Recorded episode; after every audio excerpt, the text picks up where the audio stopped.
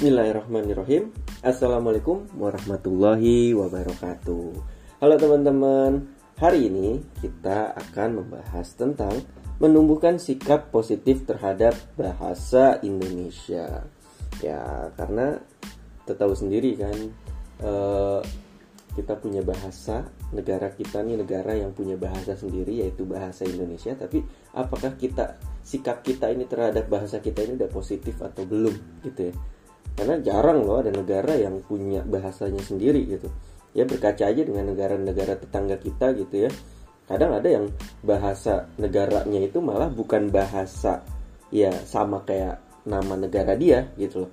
Kayak uh, bahasa apa ya Malaysia gitu. Dia kan bukan bahasa Malaysia tapi bahasa Melayu gitu kan. Atau ada juga bahasa uh, di negara Singapura dia kan bukan pakai bahasa Singapura gitu tapi bahasanya bahasa apa Inggris bahasa Mandarin gitu ya. Nah kita negara Indonesia bahasanya bahasa Indonesia. Eh, harusnya kita punya sikap yang positif nih buat buat hal itu gitu loh. Nah sebelum kita masuk lebih jauh kita harus paham dulu nih bahwa dalam bahasa Indonesia itu kan kata sifat ini uh, apa kata sikap ini mengacu pada bentuk ya bentuk tubuh posisi berdiri yang tegap perilaku atau gerak gerik dan perbuatan atau tindakan yang dilakukan berdasarkan ya pandangan dia gitu ya baik pendiriannya keyakinan atau pendapatnya itu sebagai reaksi ya atas adanya sesuatu ya suatu hal atau kejadian gitu lah. Jadi uh, itu sikap sikap kita gitu. Jadi ya, kayak ada apa ya ya perubahan itu ya bentuk kita gitu ketika ada sesuatu terus kita sep gimana gitu. Nah itu itu sikap gitu ya sikap. Jadi ada gerak-gerakannya gitu. Nah jadi sikap ini bentuknya ini kelihatan gitu karena ini uh, fenomena apa ya kejiwaan gitu ya. Fenomena kejiwaan yang biasanya di apa ya diwujudkan gitu ya dalam bentuk tindakan atau perilaku gitu. Jadi uh, bergerak gitu. Kita kita ada gerakannya gitu. Jadi itu kelihatan secara langsung jadi bisa langsung dilihat. Nah uh, sikap ini juga uh, tampak uh, terlihat jelas dari perilaku. Nah ini makanya ketika kita bicara tentang sikap kita terhadap bahasa Indonesia ini seharusnya juga kelihatan gitu loh terlihat nih dari masing-masing teman-teman semua nih gimana nih sikapnya? Ini gimana nih sikap bahasa Indonesia nya harusnya kayak gitu. Ya. Tapi uh, ini bukan berarti bahwa uh, semua perilaku itu adalah wujud sikap ya. Jadi uh, bukan berarti bahwa uh, sikap seseorang itu bisa kita lihat dari perilakunya. Nggak juga. Nggak juga sih gitu, gitu. tapi uh, sikap ini ya apa ya? Uh, mungkin gerakan yang refleks gitu. Kadang-kadang uh, halnya sifatnya refleks. Kalau refleks kan nggak sadar ya berarti alam bawah sadarnya ya makanya kejiwaannya itu yang langsung menggerakkan gitu loh. Jadi bukan berarti uh, ini perilaku atau keadaan apa ya uh, kebiasaannya bukan seperti itu sih sebenarnya. Tapi kayak uh, ya refleksnya dia ketika uh, mendengar itu atau mendapat itu gitu loh. Nah, uh, keadaan atau proses yang yang uh, membentuk sikap ini, ini sebenarnya nggak jauh juga dari uh, proses atau bagaimana proses terbentuknya sikap pada umumnya gitu. Kayak kalian begitu mendengar kata siap. Gerak tuh langsung gitu kan langsung sikapnya langsung set, sempurna sikap siap gitu ya.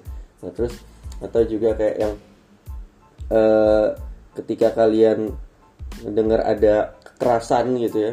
Nah ini sikap kalian terhadap kekerasan itu kan ada yang ada yang nggak suka mungkin oh, oh jangan dong gitu kan. Ada yang melerai gitu kan. Nah ini kan sikapnya sikap yang muncul akan beda-beda kayak gitu.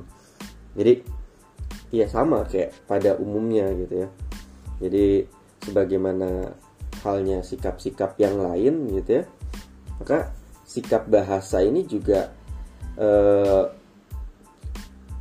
apa ya peristiwa kejiwaan yang nggak bisa dilihat secara langsung gitu loh secara apa ya sengaja gitu. Kadang-kadang kita perlu memantik ya memantik ketidaksadarannya dia kayak gitu. Jadi uh, sikap bahasa ini ya mungkin bisa kita lihat dari perilaku dia berbahasa atau bertutur. Jadi ada perbedaan tuh antara berbahasa dengan bertutur ya. Tapi nggak selalu juga sih ya nggak selalu juga terlihat dari situ gitu. Nggak selalu juga terlihat dari situ walaupun bisa mungkin tercermin dari situ tapi tidak selalu juga dari situ gitu. Jadi tidak selamanya ya sikap bahasa ini terlihat dari bagaimana dia bertutur atau berbicara atau uh, tidak selamanya juga sikap bahasa ini terlihat dari bagaimana dia berbahasa kayak gitu Kenapa tadi saya bedakan ya antara bahasa dengan tutur, bertutur gitu karena memang uh, menurut Ferdinand de Saussure gitu ya. Ini ada perbedaan antara bahasa dan tutur kayak gitu. Jadi uh, sikap bahasa ini memang lebih cenderung kepada bahasanya ya, bahasa sebagai sistem gitu. Jadi bahasa sebagai sistem yang namanya sistem ini kan berarti aturan ya seperangkat aturan yang harus disepakati bersama. Sedangkan kalau tuturan ini kan lebih kepada apa ya uh, ujaran, ucapan yang biasanya uh, muncul karena spontanitas atau komunikasi uh, antar personal gitu ya. Jadi uh, biasanya ini muncul secara apa ya spontan gitu secara tidak tidak diatur gitu. Sedangkan kalau bahasa ini lebih ke sistemnya, sistem yang memang punya seperangkat aturan, seperangkat uh, kesepakatan gitu ya. Maka artinya bahasa ini kan ada hal yang harus kita pahami, kita patuhi dan kita ikuti gitu loh. Nah, makanya sikap bahasa ini sebenarnya dilihat dari situ. Nah, ini ada Lambert, da, ya kalau teman-teman baca di bukunya Pak Abdul Hair ya itu Abdul Hair ini dulu pembimbing skripsi saya nih nah ini uh, menyatakan bahwa sikap ini terdiri dari tiga komponen ada tiga hal yang membentuk sikap. Pertama kognisi. Ya. Kognisi ini adalah uh, komponen yang mencangkup tingkat pemahaman. Pemahaman juga keyakinan ya terhadap berbagai konsep bahasa Indonesia yang menjadi objek gitu. Dan penilaiannya ini melibatkan pemberian kualitas ya, disukai atau tidak disukai, kemudian diperlukan atau tidak diperlukan, baik atau buruk gitu ya, terhadap bahasa Indonesia yang menjadi objek sikap ini gitu. Jadi ini pemahaman tentang uh, bahasa A ini boleh digunakan atau enggak dalam situasi ini gitu. Jadi jadi kayak hal-hal yang berkaitan dengan boleh tidak boleh, suka tidak suka kayak gitu. E, tepat tidak tepat kayak gitu. Nah, ini adalah ranah kognisi dari sikap. Gitu ya. Kemudian ada ranah afeksi namanya. Nah, afeksi ini adalah komponen yang mencangkup tingkat perasaan tertentu gitu terhadap hal-hal yang berkaitan dengan objek bahasa itu. Objek bahasa Indonesia ya dalam hal ini. Jadi kayak misalnya hal yang menyenangkan atau tidak menyenangkan gitu ya halnya ya hal yang menyenangkan atau tidak menyenangkan disukai atau tidak disukai termasuk dalam cakupan ini ya kayak rasa apa ya ih keren gitu rasa uh, kagum gitu bangga termotivasi jadi uh, afeksi ini terkait dengan perasaan gitu pernah nggak sih kita merasa kayak ih gila bule aja bisa bahasa Indonesia gitu kan ih keren ternyata bahasa Indonesia itu diajarkan di kampus-kampus di Australia gitu. Nah ini ini kan masuk ke ranah sikap kita masuk ke ranah afeksi ini namanya. Jadi begitu kita kagum, kita bangga kayak yang bisa bahasa Indonesia gitu kan. Padahal kita lagi di Prancis gitu kan. Nah ini ini ini masuknya kaitannya ke ranah afeksi namanya. Karena yang muncul ada kaitannya dengan perasaan. Nah, kemudian ada uh, ya. Komponen ini mencangkup semua kesiapan atau kecenderungan perilaku untuk memberikan tanggapan ya terhadap bahasa Indonesia yang menjadi objek sikap. Ini kayak misalnya tinggi rendahnya kecenderungan untuk membantu, memuji, mendukung, menghindari dan kayak apa ya?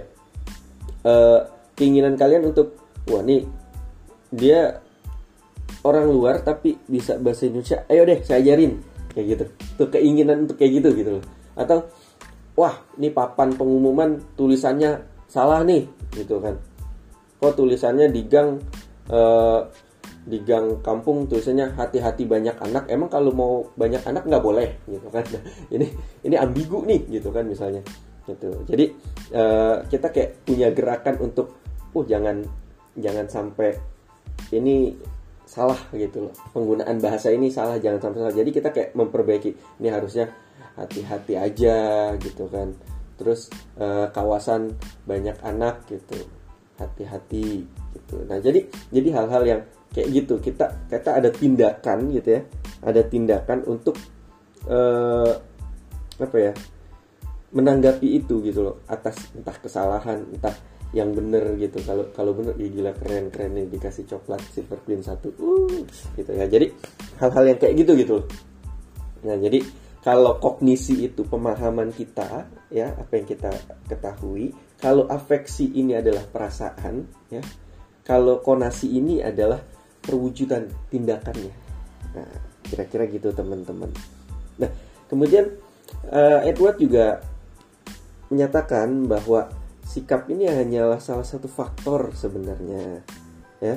Jadi sikap ini adalah salah satu faktor yang yang sebenarnya nggak dominan juga gitu dalam menentukan sebuah perilaku. Makanya tadi dibilang bahwa sikap ini bisa diwujudkan dalam uh, bentuk perilaku tapi tidak selalu bahwa sikap apa bahwa perilaku itu adalah perwujudan dari sikap. Ternyata enggak gitu loh. Karena sikap ini ternyata adalah salah satu faktor yang itu pun nggak dominan gitu dalam menentukan perilaku gitu. Karena uh,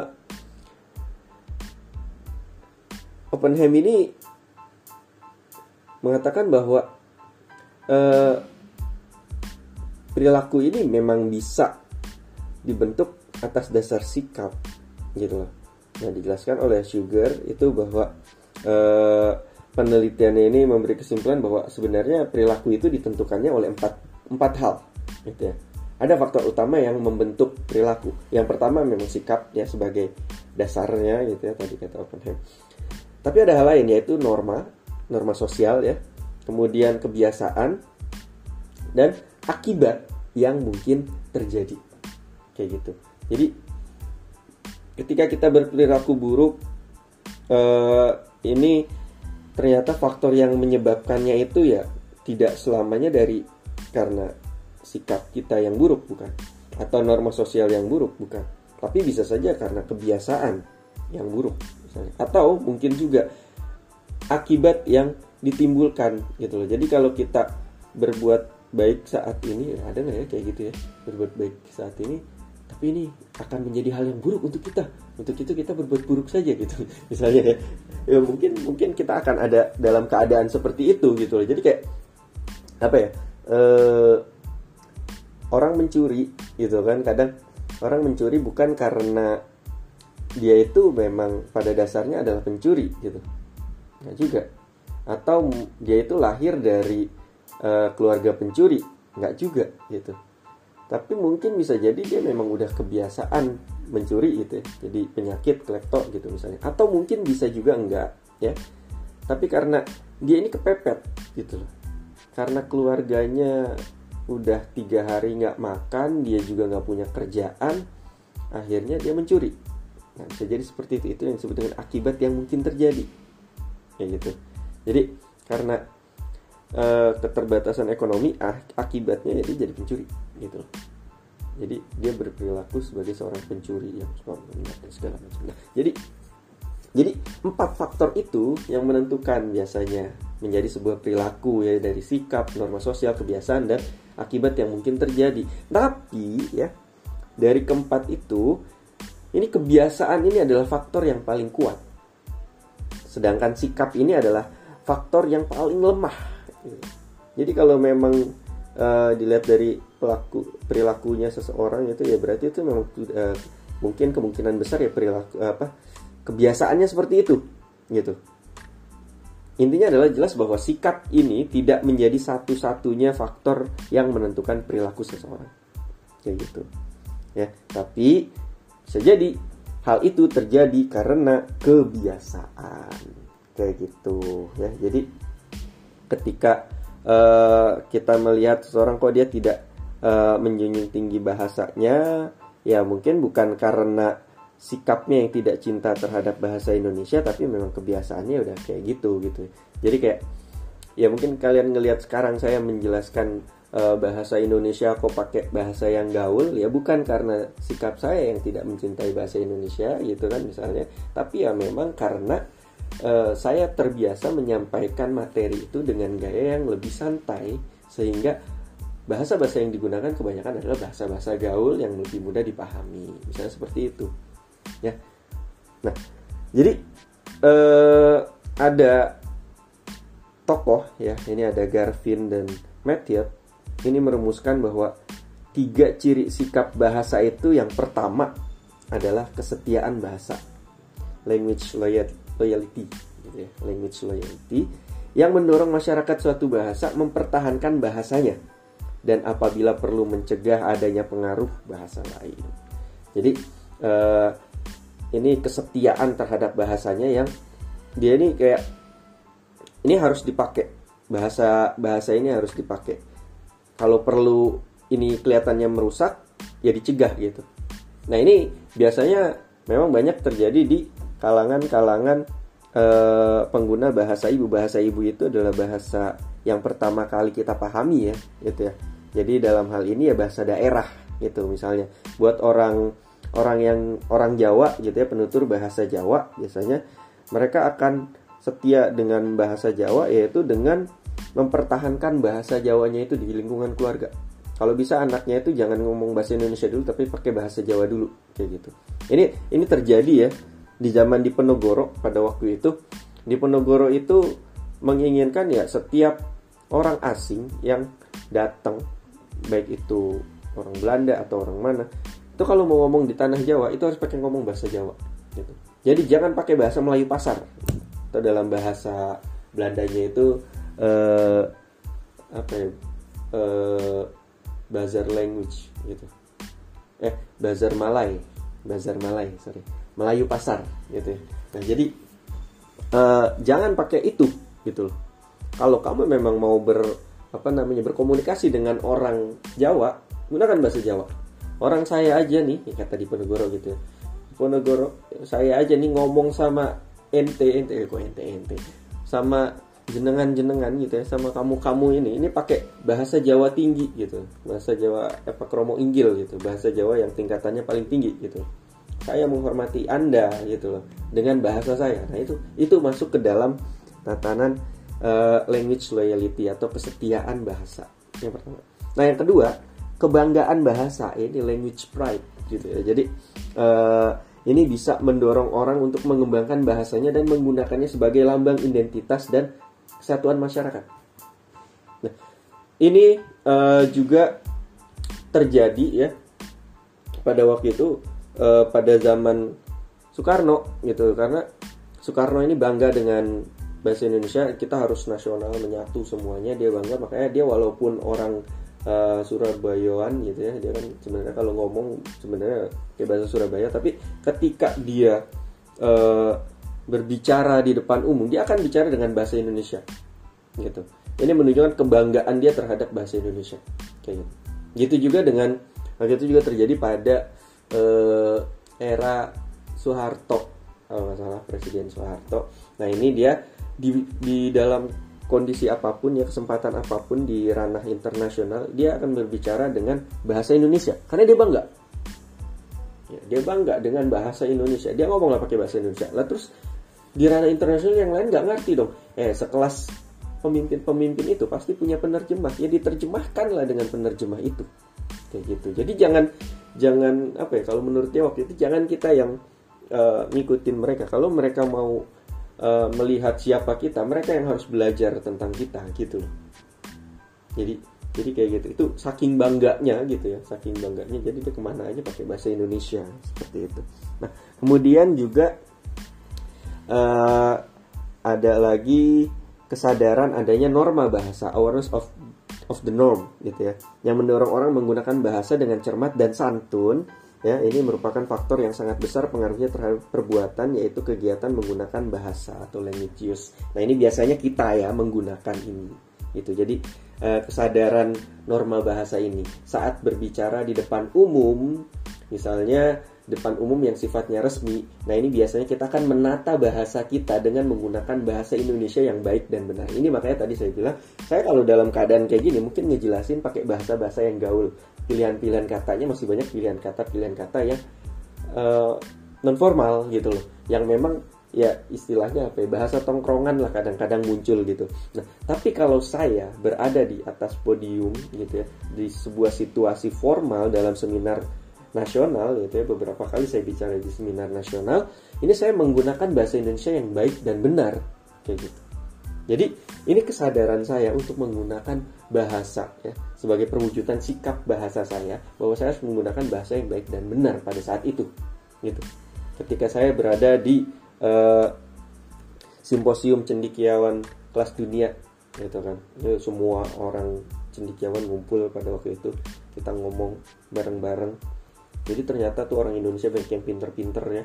Uh, di ada yang di Malaysia ada yang di Malaysia dia sudah menciptakan unsur hara tanah. Jadi kalau kamu mau uh, bersuci ya jadi kalau bersuci kan ada salah satu yang mengandung tanah. Dan ternyata di itu di apa ya di ditafsirkan bahwa bukan tanah secara zat tapi secara unsur kandungan. Jadi dia menciptakan kandungan tanah itu dalam bentuk ya kayak air gitu bening gitu. tapi kandungannya itu unsur haranya adalah unsur hara tanah kayak gitu. Dan itu uh, disepakati oleh uh, muslim dunia bahwa itu sah untuk penyucian gitu ya untuk untuk suci menyucikan.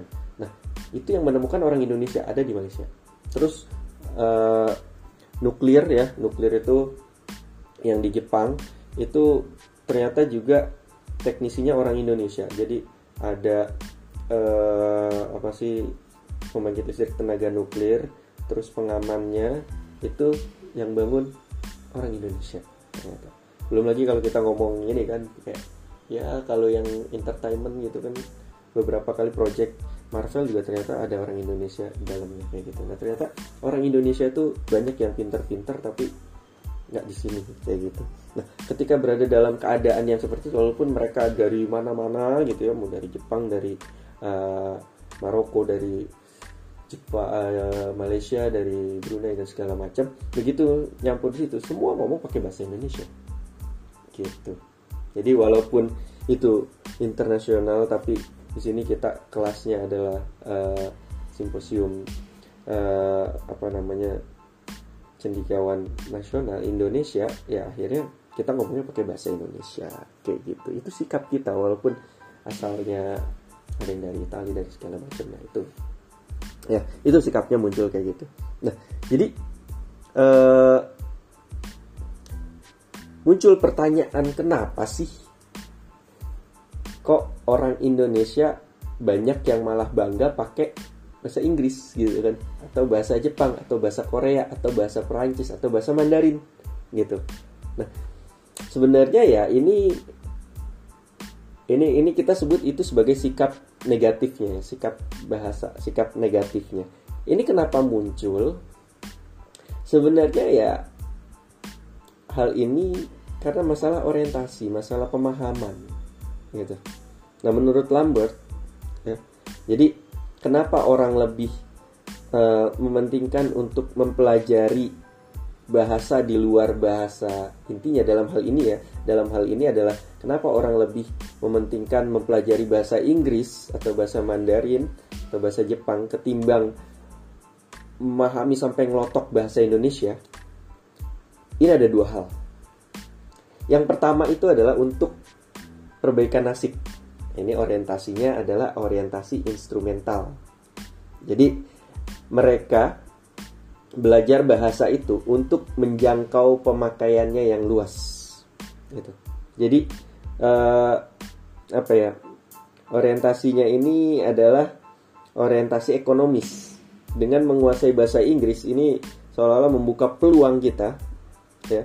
Kita bisa uh, berbisnis dalam dalam lingkup yang lebih luas misalnya seperti itu kalau kita bisa menguasai bahasa Mandarin ya sekarang banyak gitu ya banyak perusahaan-perusahaan yang uh, juga apa ya salah satu syaratnya itu kan mampu berbahasa Mandarin misalnya ya. Kalau kita bisa menguasai itu uh, kita bisa digaji yang sampai dua digit misalnya kayak gitu. Nah ini kan orientasinya adalah orientasi yang uh, instrumental gitu loh. Jadi mereka mempelajari itu demi perbaikan nasibnya.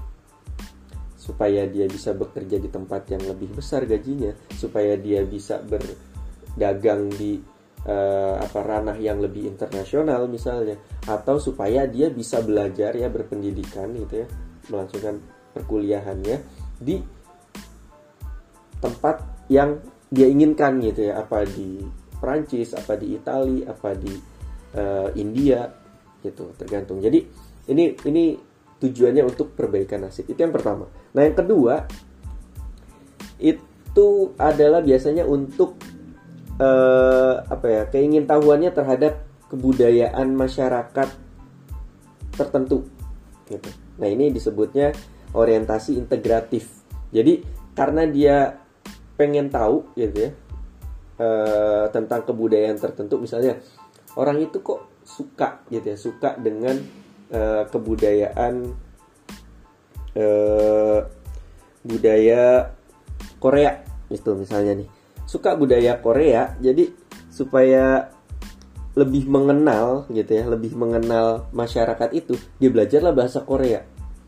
Dia udah belajar uh, bahasa Korea dia bisa ngobrol sama orang Korea dia bisa nanya-nanya tentang kebudayaannya itu bahkan sampai makanan dan segala macem kayak gitu. Dia sampai jadi oh ternyata seru juga nih. Nah, nah ini banyak terjadi gitu ya.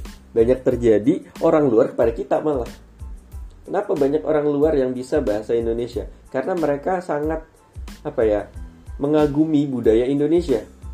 Tariannya banyak makanannya beraneka ragam kayak gitu. Ya terkhusus juga kadang uh, kalau kalian lihat kadang suka ada bule yang bisa bahasa Jawa gitu ya karena dia mengagumi kebudayaan Jawa misalnya gitu. Dia lihat di Jawa itu ada ada senjatanya yang meliuk-liuk ya keris itu. Kemudian juga ada candi bangunannya gitu yang ketika orang Mesir cuman bisa numpukin sampai dalam apa bentuknya cuma segitiga doang tanpa ukiran gitu. Nah, di Jawa ini kok udah tumpukan batu tapi diukir juga gitu loh. Detail lagi ukirannya kecil-kecil gitu. Nah ini ini kan mengagumkan buat mereka. Nah makanya mereka pengen tahu akhirnya mereka belajar bahasa itu supaya mereka lebih mengenal. Nah jadi sebenarnya orientasinya cuma dua itu. Ya kamu menguasai bahasa itu ya untuk perbaikan nasib atau untuk memahami budaya. Itu kalau menguasai bahasa cuman untuk keren-kerenan doang ini nggak ada dalam teori. Sorry gitu ya. Maaf maaf nih bukan yang nggak cinta nggak sayang nggak gimana gimana gitu kan. Kalau kamu cuma memaha apa mempelajari bahasa Korea cuma gara-gara uh, cinta sama opa-opa Korea ya sorry sorry maaf gitu. Itu negatifnya udah negatif banget gitu. Atau uh, mempelajari bahasa Jepang karena kamu jadi wibu. Ya, ya mohon maaf gitu ya. Mohon maaf nih gitu. Jadi ya orientasinya cuma dua perbaikan nasib atau mencintai budaya itu. Mengapa ingin tahu soal budaya itu. Nah makanya di Indonesia ya supaya bahasa Indonesia ini tetap kokoh tetap bisa dinikmati apa bukan bukan dinikmati ya tetap bisa memfasilitasi kita dalam berkomunikasi sehari-hari. Itu kan setiap ada inovasi baru temuan baru itu pasti kata-katanya di Indonesia kan kayak gitu. Nah jadi eh, setiap ada istilah asing yang masuk ke Indonesia ini harus dicari padanannya. Nah cara mencari padanannya itu gimana banyak cara gitu ya. Jadi bisa bisa dengan cara eh, apa sinonim ya. Jadi eh, dicari kata dalam bahasa Indonesia itu sendiri ya. Diartikan dalam bahasa Indonesia.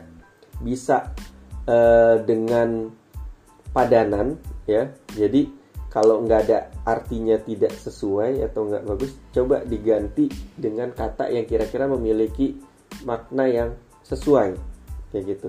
Kalau nggak bisa juga di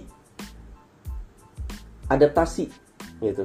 Jadi uh, oke okay lah kata itu tapi di Indonesia kan ya ini kayak ya kalau uh, apa misalnya uh, si jadi melihat itu kan diartiin ya di uh, di sinonim dari bahasa Indonesia-nya. Jadi dicari makna bahasa Indonesia-nya. Nah kalau uh, download jadi unduh ini kan dicari padanannya. Kata unduh ini diambil dari bahasa Jawa kan bahasa daerah di Indonesia yang diambil gitu. Nah, jadi uh, diambil uh, dari bahasa Jawa unduh ya yang sifatnya kayak sama gitu loh. Jadi dari kayak dulu kan dikenalnya dengan ngunduh mantu gitu ya mantu dari dari tempat mana diambil ke tempat sini gitu ya. Dari mantu itu dari keluarga orang diambil ke keluarga kita misalnya kayak gitu. Nah jadi uh, persepsi semacam itu gitu ya diambil untuk digantikan konsepsinya dengan konsepsi ya data gitu. Data dari server satu kita ambil ke tempat penyimpanan kita. Itu makanya disebutnya diunduh. Gitu. Sama upload ya sama. Diunggah itu ya ngambil dari bahasa juga Jawa juga unggah gitu di, di ditaruh di atas gitu ya. Jadi kayak gitu gitu. Loh nah kalau nggak ada nggak bisa juga dipadankan gitu ya ini di diadaptasi. Jadi walaupun itu bahasa Inggris tapi disesuaikan dengan lidah orang Indonesia. Yang tadinya teknologi gitu ya jadi teknologi gitu. Yang tadinya uh, Gordon gitu ya ini jadi Gordon gitu. Yang tadinya apa ya uh, alemari jadi lemari gitu. Yang tadinya apa lagi ya uh, apa ya contohnya? Ya pokoknya semacam itulah gitu. Jadi disesuaikan dengan lidah orang Indonesia. Nah kalau nggak ada juga ya kalau nggak ada juga barulah diadopsi ya kayak anak ya diadopsi diambil gitu. Untuk menutup kata itu gitu. Misalnya yang nggak ada apa ya? Uh, kayak uh, apa ya? Bus ya bus gitu. Bus. Tulisannya bis. Tapi kita ngomongnya bus gitu kan. Terus uh, apa lagi misalnya? TV ya kan? TV kita nyebutnya TV walaupun kepanjangannya kan kalau di luar television kalau di kita televisi tapi kita lebih enak nyebutnya tuh TV TV aja sama kayak di luar kan TV you watch TV gitu kan. Kita juga nyebutnya kita nonton TV gitu. Nah jadi uh, padahal kalau di ini kan V ya itu ya V gitu V T. Dan itu T T sama V gitu kan. Harusnya TV gitu kan TV tapi tapi kenapa kita nyebutnya itu TV gitu kan T dan V. Nah itu itu kayak adopsi namanya. Terus juga apa ya yang adopsi kayak uh, out, output input ya, itu kan adopsi juga tuh gitu kan. Nah, jadi kayak gitu ketika ada bahasa asing masuk ya semua kalau sebisa mungkin sih di Indonesia kan gitu. Tapi kadang-kadang nggak ketemu artinya nggak ketemu padanannya nggak bisa disesuaikan dengan lidah orang Indonesia ya akhirnya ya kita adopsi apa adanya. Kayak gitu. Nah baik lagi tadi kita bicara tentang eh, apa ya menumbuhkan sikap positif bahasa. Jadi menurut Pateda ini seorang ahli bahasa ya dia eh, pemakai bahasa ini dikatakan bersikap positif apabila derajat bertindaknya itu meningkat terhadap bahasa bahasanya ya artinya uh, ketika kita merasa bertanggung jawab ya terhadap bahasa yang kita anut ya bahasa yang kita miliki ya itu berarti kita memiliki rasa positif. Nah hal-hal itu bisa ditandai dengan yang pertama kita selalu berhati-hati menggunakan bahasa. Kita berhati-hati menggunakan bahasa Indonesia.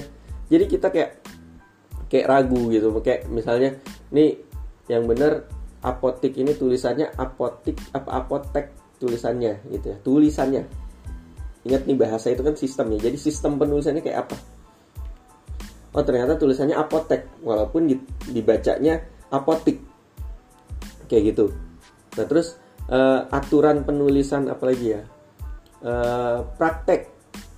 Ya kita nyebutnya praktek secara tuturan ya tadi. Tuturan tuh praktek. Tapi secara bahasa secara sistem penulisannya nih gimana? Oh ternyata pakai i praktik.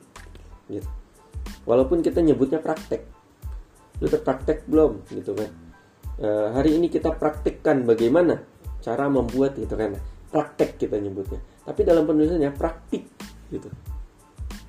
Kayak gitu. Jadi jangan jangan apa ya jangan dipermasalahkan kok tulisannya praktik tapi kita nyebutnya praktek. Karena tadi sudah dijelaskan di awal ya ada perbedaan antara bahasa dengan tuturan ucapan omongan. Gitu. Bahasa ini kita bicara tentang sistemnya sistem penulisannya itu seperti apa? Ya kayak gitu gitu. Praktik walaupun bahasanya praktek. Terus respon. Respon ya bacanya respon tapi pas ditulis ternyata di belakangnya harus ada s respons. Gitu. Tapi apakah kita baca respons apakah kita baca praktik? Apa kita baca apotek? Enggak tetap. Secara tuturan kita ngomongnya ya apotik praktek terus respon nah gitu. Tapi secara sistem penulisan ya ini harus hati-hati. Dipastikan lagi benar atau salahnya. Banyak hal-hal lain yang kelihatannya begini tapi ternyata kita kecelek ternyata ini salah gitu. Nah ini hati-hati. Kemudian tidak merasa senang melihat orang memakai bahasa secara serampangan. Nah, ini. Jadi nggak nggak seneng gitu ya. Sikap sikap bahasanya nih kayak kalau orang salah tuh kita nggak seneng. Gitu. Nah ini kadang-kadang mungkin terjadi tanpa sadar bahasa asing kali ya yang begitu ya. Kita kalau ngelihat orang nulis bahasa Inggris bahasa Inggrisnya salah ini kita ngerasa nggak seneng gitu. Berarti sikap bahasa positifnya ini adanya di sikap bahasa terhadap bahasa Inggris. Nah ini menjadi negatif terhadap bahasa Indonesia sebenarnya. Nah seharusnya sikap itu muncul ketika itu terjadi pada bahasa Indonesia. Ada orang nulis di, digabung dan dipisah, gitu ya. Di itu kan ada yang di sebagai kata tunjuk tempat ya, kayak di ke dari ini pasangannya tuh, di ke dari pasangannya. Jadi kayak di kota, karena dia bisa jadi ke kota dan dari kota gitu kan. Nah maka penulisan di ini dipisah. Karena ini merupakan kata tunjuk tempat. Tapi ada orang nulis di kotanya ini digabung. Nah ini harusnya kita protes, Wah, ini salah, di itu dipisah. Karena di di sini kan bisa diganti sama ke sama dari. Kalau bisa diganti dengan ke dan dari, ini berarti di-nya ini kata tempat gitu, bukan imbuhan gitu. Di kota berarti dipisah nulisnya. Nah, kalau nulisnya digabung, itu imbuhan namanya. Imbuhan di. Imbuhan di ini kan lawannya imbuhan me. Di nya pasif me nya aktif gitu. Kayak uh, membeli. Ini kan aktifnya ya. Ibu membeli sayur. Nah begitu jadi pasif sayur dibeli oleh ibu. Dibeli dibeli. Di ya. Di di sini ini imbuhan maka ditulisnya digabung. Gitu. Jadi sebenarnya ya kalau kalau pasif ini imbuhan pasif pasti dia punya lawan imbuhan aktif. Di lawannya me gitu. Dipakai memakai. Diolah mengolah. Nah ini kalau punya lawan kayak gitu oh berarti ini imbuhan nih. Maka penulisan di-nya harus digabung. Ketika kita ngeliat ada orang nulisnya dipisah wah kalau muncul wah salah nih. Berarti ini sikap bahasa kita sudah bagus sudah positif. Kayak gitu. Ya jadi kayak ada perasaan nggak seneng gitu kayak jadi ini nggak nyaman gitu loh. Ini di ini kan kalau di rumah itu harusnya dipisah. Ini kok digabung sih? Aduh salah nih gitu. Kayak gitu. Nah, ini ini banyak banyak terjadi ya di di di luar ya. Mungkin coba aja kalian keluar terus kalian lihat yang di kanan di kiri gitu misalnya atau di sana. Itu penulisannya kalau masih ada yang digabung itu kan salah berarti karena kan bisa ke sana bisa dari sana gitu. Maka di ini harusnya tulisnya dipisah. Nggak ada kan me, menyana mesana menyana gitu. Karena s jadi n menyana di di sana menyana nggak ada. Kayak gitu. Adanya di sana ke sana dari sana. Kayak gitu. Maka penulisannya harus dipisah. Kayak gitu kemudian memperingatkan dan mengoreksi pemakaian bahasa pemakai bahasa lain kalau ternyata membuat kekeliruan ya. Jadi kalau ada bule salah ngomong pakai bahasa Indonesia ya kita akan ngingetin gitu. Saya mau beli apel. Bukan apel tapi apel. Apel pel apel. Bukan apel pel bukan pel apel gitu. Nah jadi uh, kita koreksi kita kita ingetin. Karena apel dan apel itu beda. Gitu. Karena uh, apa lagi ya? Uh, bebek dengan bebek itu beda. Walaupun secara sistem Ingat, balik lagi. Secara sistem dia sama, sistem penulisannya. Secara bahasa dia sama. B E B E dan K ditulisnya. Tapi dalam tuturannya ya, dalam tuturannya dia dituturkan dengan cara yang berbeda. Ada bebek, ada bebe. Yang satu B, yang satu B. B dan B ini berbeda. Gitu. Nah, ini kita koreksi kalau dia salah. Kemudian eh, perhatiannya tertarik kalau ada orang yang menjelaskan tentang tentang tentang bahasa gitu jadi ketika orang ngobrol eh tahu nggak sih ini bukan mau gibah ya tapi tapi mau ngomongin tentang bahasa gitu.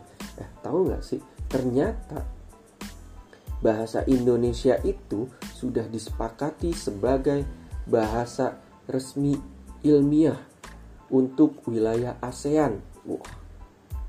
Masa sih? Itu sejak kapan? Ih masa nggak tahu? Sejak tahun 2019 gitu. Jadi wilayah ASEAN kalau mau publish uh, artikel ilmiah itu harus berbahasa Indonesia. Kayak gitu.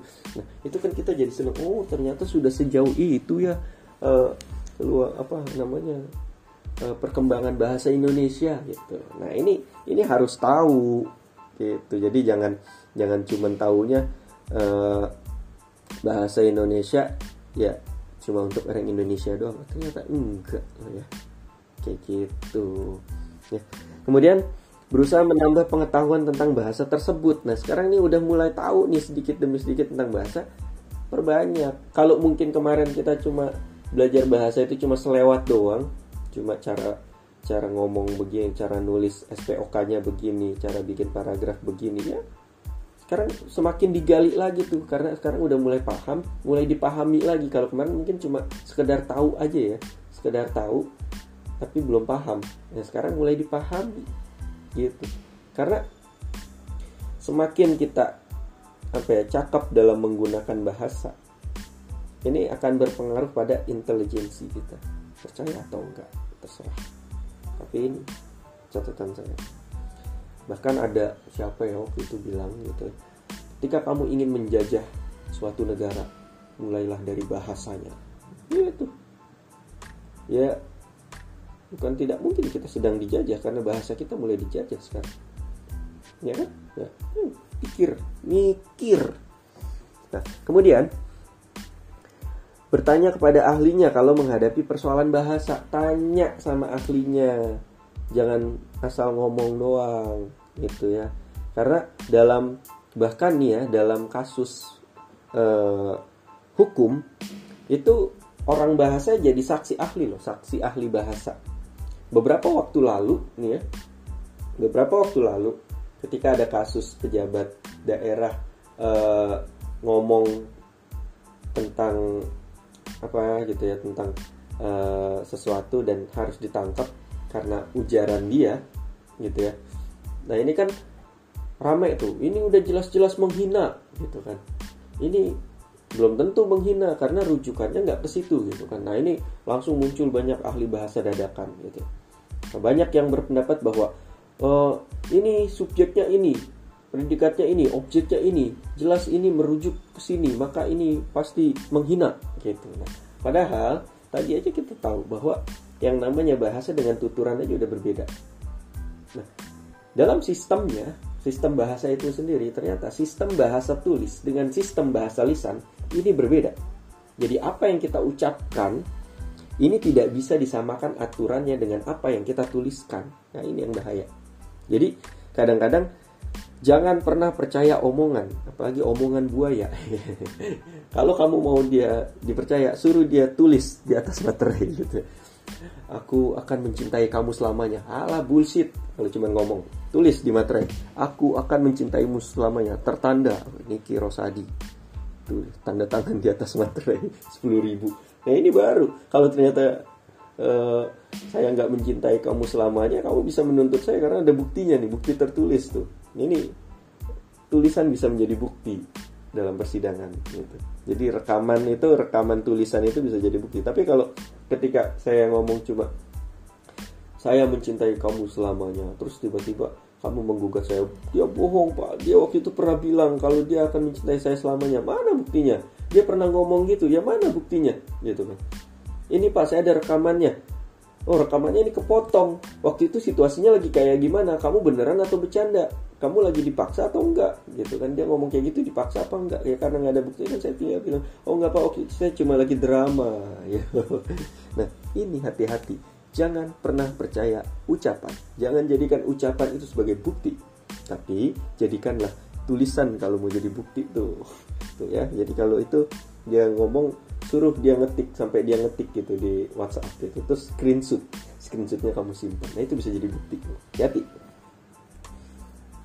gitu ya. Nah jadi kalau kita lihat memang kebanyakan di luar situ terlihat sikap positif ini dilihat dari ya aturan-aturan yang ditulis ya aturan-aturan tertulis di jalan-jalanan gitu ya hati-hati banyak penyeberang jalan.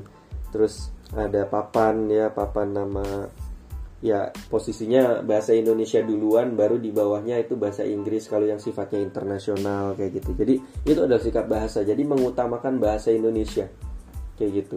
Jadi eh, apa ya tingkatannya itu adalah eh, lestarikan bahasa daerah ya.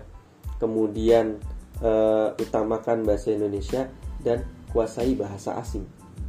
Kayak gitu tingkatannya. Jadi bahasa daerahnya jangan ditinggal tapi terus dilestarikan. Ya tiap antar daerah kita tetap ngomong. Kemudian kita utamakan bahasa Indonesia di forum-forum umum ya. Karena ini bahasa persatuan kita supaya orang lain ngerti. Tapi kita juga harus menguasai bahasa asing untuk karena global. Kepentingan tadi gitu ya untuk kepentingan ya tadi nasib. Ya peningkatan nasib kita supaya kita jadi jauh lebih baik. Memang menguasai banyak bahasa akan berimbas pada uh, ekonomi yang layak mungkin gitu ya. Vicky Naki terkenal gara-gara dia menguasai banyak bahasa kan gitu. Nah kita bisa menjalin hubungan banyak gitu ya apalagi populer TikTok itu karena konten-konten kita bersifat internasional gitu. Kita pakai bahasa Inggris segala macam. Bisa jadi kayak gitu jadi seperti itu ya lestarikan bahasa daerah utamakan bahasa Indonesia dan kuasai bahasa asing. Itu intinya sebenarnya. Jadi gimana kalau kita lebih mengutamakan bahasa asing? Ternyata lah ini yang disebut dengan sikap negatif. Ini sikap negatif namanya. Jadi ketika kita bangga memperlihatkan kemahiran bahasa Inggris padahal bahasa Indonesia kita acak-acakan. Disuruh bikin uh, esai argumentasi dalam bahasa Indonesia nggak jelas strukturnya susunannya. Tapi dia bangga dia bisa bikin cerpen dalam bahasa Inggris. Uh, dia udah hafal itu grammarnya. Dia udah hafal itu structure apa untuk naratifnya naratif structure. Tapi ternyata dia nggak bisa kalau dalam bahasa Indonesia. Nah ini yang salah. Ini salah besar. Sikapnya negatif terhadap bahasa Indonesia. Nah yang kemudian merasa dirinya ini lebih pandai dari orang lain karena dia udah bisa bahasa asing. Dan pasti bahasa asing. Padahal bahasa Indonesia nya ya cemen gitu. Jadi jangan merasa bahwa ketika kalian menguasai bahasa Inggris cas cas cas gitu ini kalian levelnya berada di atas mereka yang nggak bisa bahasa Inggris. Belum tentu men. Kamu bisa bahasa Inggris tapi kamu nggak bisa bahasa Indonesia nggak bisa bikin CV yang baik dalam bahasa Indonesia kamu nggak diterima kerja kamu nggak bisa nulis apa email yang baik dalam bahasa Indonesia kamu nggak bisa diterima dalam berhubungan masyarakat nggak bisa Dalam bahasa Indonesia itu selalu diajarkan bahwa segala sesuatu yang bersifat formal harus dimulai dengan pembuka, inti, dan penutup. Gitu. Pembuka, salam. Gitu kan. Pasti semuanya dimulai dengan salam. Kamu mau pidato di depan, ceramah di depan orang, mau buka email, pasti harus dimulai dengan salam dulu. Assalamualaikum warahmatullahi wabarakatuh. Salam sejahtera bagi kita semua. Selamat pagi. Salam tuh. Jadi disalamin semuanya. Ya, yang saya hormati yang saya hormati yang saya hormati salamin semua gitu kan baru masuk ke inti dalam kesempatan ini saya akan menyampaikan tentang apa kalau pidato tapi kalau dalam saat bersamaan dengan ini saya ingin gitu. Gitu. Jadi paragrafnya juga beda. Ada paragraf pembukaan ada paragraf inti ada paragraf penutup. Penutup uh, demikian yang dapat saya sampaikan. Kurang dan lebihnya saya mohon maaf. Assalamualaikum tutup gitu kan. Dalam ketik demikianlah yang dapat saya jabarkan atas perhatian dan kerjasama yang saya ucapkan. Kayak gitu. Selalu begitu gitu. Jadi sebenarnya simple tapi kita nggak mau praktekin itu aja gitu kemudian yang ketiga merasa malu apabila tidak menguasai bahasa asing tapi tidak pernah merasa malu apabila tidak menguasai bahasa Indonesia. Dia malu nggak bisa cascisius bahasa Inggris tapi dia nggak malu kalau ternyata dia nggak bisa bahasa Indonesia dengan baik dan benar. Misalnya bahasa Indonesia apa ya nyablak gitu. Masa uset dah lah gue kata mah apa kali ya? Gitu. Nah dia bilang itu bahasa Indonesia padahal enggak. Bukan. Salah. Tidak begitu Roma. Jadi ini yang harus dipahami gitu ya. Jadi uh, tumbuhkan sikap positif kita.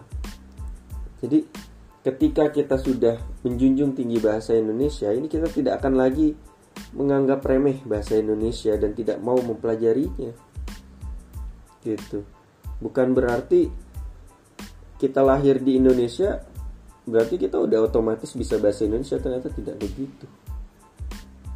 Bahasa Indonesia tetap harus dipelajari karena dia adalah bahasa. Bahasa itu memiliki sistem dan sistem ini memiliki perangkat aturan yang harus dipahami dan dimengerti gitu makanya ini kenapa kita harus menjunjung tinggi ya menjunjung tinggi sikap positif bahasa Indonesia gitu. karena kalau pada akhirnya semua orang menganggap bahwa bahasa Inggris ini lebih keren dari bahasa Indonesia semua orang akhirnya menggunakan bahasa Inggris. Negara Indonesia bahasa negaranya jadi bahasa Inggris. Emang seneng kayak gitu. Ih nggak keren-keren banget sih kalau saya bilang. Justru yang keren itu adalah negara yang punya bahasa sendiri. Negara Indonesia punya bahasa Indonesia. Orang lain mau masuk ke Indonesia harus bisa bahasa Indonesia. Kenapa orang apa ya, orang Indonesia mau jadi pegawai negeri Indonesia? Kenapa yang dites TOEFL ya bahasa Inggris ya emang mau kerja di luar negeri? Ini yang jadi pertanyaan harusnya. Mau masuk ke universitas bergengsi di Indonesia kenapa harus tes bahasa Inggris? Tes bahasa Indonesia-nya. Bisa nggak nulis artikel ilmiah pakai bahasa Indonesia gitu harusnya. Kenapa yang dites malah bahasa Inggris? Emang mau keluar negeri. Gitu ya. Jadi ini yang harus kita tumbuhkan. Ini butuh dukungan dukungan dan apa ya uh, support yang banyak dari kita sendiri, dari orang dalam, dari orang Indonesia itu sendiri itu. Jadi support itu jangan dari dari PBB, dari UNESCO, jangan. Tapi dari kitanya, dari orang Indonesia bahwa kita harus mengutamakan bahasa Indonesia, ya. Jadi tumbuhkan sikap positif kita terhadap bahasa Indonesia. Kalau ada tulisan yang salah terkait sistem penulisan di Indonesia, sistem bahasa di Indonesia salah, salah kayak tadi ya penulisan di praktik dan segala macam, benerin.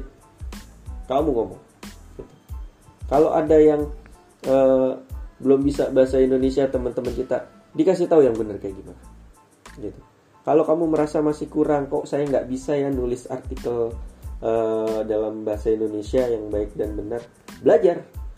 Kembangkan kemahiran itu. Gitu. Makanya ada kata mahir berbahasa Indonesia. Gitu. Kayak dikatakan bahwa kita harus bisa menggunakan bahasa Indonesia yang baik dan benar. Gitu.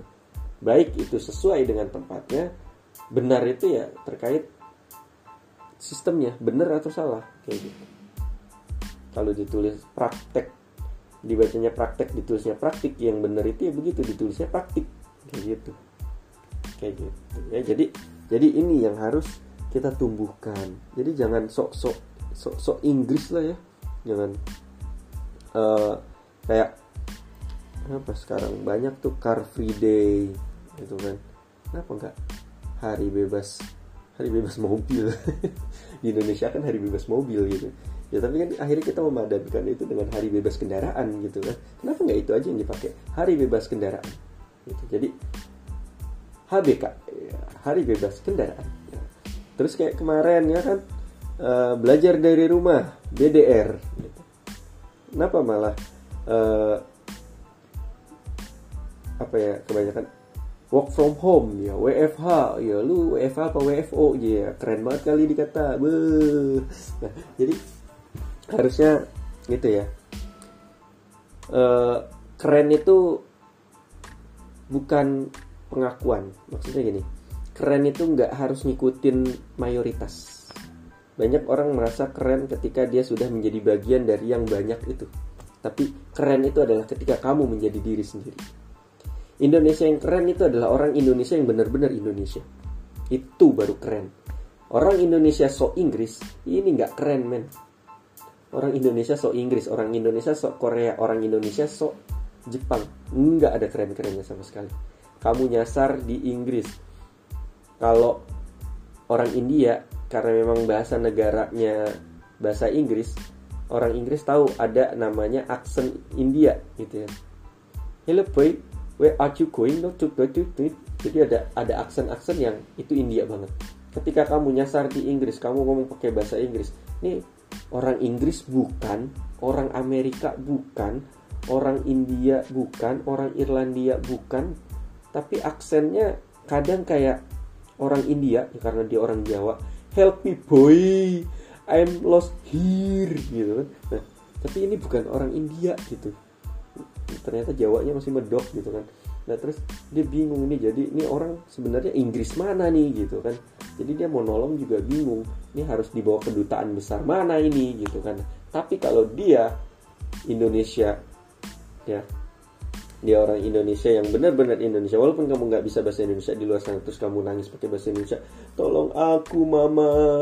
Aku bingung gimana ini di mana bapak mana bapak mana di mana. Terus ada yang wah you're Indonesia you're Indonesian. Dibawa kamu ke kedutaan besar Indonesia karena dia tahu kamu ini ciri khas banget nih Indonesia bahasanya begini gitu kan. Apalagi dia ternyata pernah dengar musik-musik yang kayak gitu tuh gitu kan musik-musik uh, apa namanya musik-musik yang khas banget lah Indonesia gitu kan. Nah, jadi jadi kayak gitu. Nah makanya uh, menguasai bahasa asing ini sebenarnya bukan sikap negatif ya. Menguasai bahasa asing ini juga sebetulnya sikap positif. Namun ketika lebih mengutamakan bahasa asing ketimbang bahasa Indonesia, inilah yang disebut dengan sikap negatif. Nah, tapi bukan berarti sikap negatif ini tidak bisa diubah menjadi sikap positif. Nah, jadi sikap negatif ini bisa diubah menjadi sikap positif dengan dilakukan pendidikan bahasa yang dilaksanakan atas dasar pembinaan kaidah dan norma bahasa kayak gitu. Namun, keberhasilan tersebut memang tergantung dari motivasi belajar yang banyak ditentukan oleh sikap bahasa yang sedang dipelajarinya gitu. Jadi, walaupun kamu belajar bahasa Indonesia kalau kalau sikap bahasa kamu nggak nggak positif terhadap bahasa Indonesia ya memang percuma aja mata kuliahnya akan lewat gitu aja. Ya ya aku sih nggak apa-apa ya kamu cuekin. Aku udah biasa dicuekin. Tapi ingat ini untuk kebutuhan kamu juga. Kalau kamu nggak bisa memahami bahasa Indonesia kamu nggak bisa nulis skripsi dengan baik. Kamu nggak bisa nulis surat dengan baik. Kamu nggak bisa berkomunikasi dengan baik. Ini imbasnya ke kamu sendiri. Ini bukan tentang aku ini tentang kita. Kita ini harus bisa berjalan bersama gitu yang namanya cinta itu adalah tentang melengkapi. Apa kekuranganku kalian lengkapi. Apa kekurangan kalian aku lengkapi. Kalau cuma aku yang berjuang kalian enggak. Mending aku tinggalin. Gitu ya. Jadi jadi kira-kira gitu. Jadi uh, ketika kalian ingin belajar bahasa Indonesia yuk bareng-bareng saya akan menyampaikan apa yang saya tahu dan kalian ya tinggal memahami apa yang kalian tahu. Ketika kalian ada yang ingin tanyakan tanyakan ketika kalian merasa ada yang luput dari saya gitu ya sampaikan. Kayak gitu. Inilah sistemnya kita kayak gitu. Jadi kita harus sama-sama membangun sikap positif ya menumbuhkan sikap positif bahasa Indonesia. Karena dari uh, pemerintahnya sendiri sebenarnya undang-undang udah banyak tentang bahasa Indonesia. Ya mewajibkan aturan ditulis pakai bahasa Indonesia terus di apa namanya di pemerintahan harus pakai bahasa Indonesia pembelajaran harus pakai bahasa Indonesia. Banyak hal-hal yang memang sudah mendukung. Tinggal kitanya. Kita tumbuhkan rasa positif gitu ya. Jadi semua yang kita lakukan menggunakan bahasa Indonesia. Oke mungkin itu aja yang bisa saya sampaikan pada kesempatan kali ini. Terima kasih udah mau dengerin sampai habis. Mohon maaf jika ada kesalahan. Assalamualaikum warahmatullahi wabarakatuh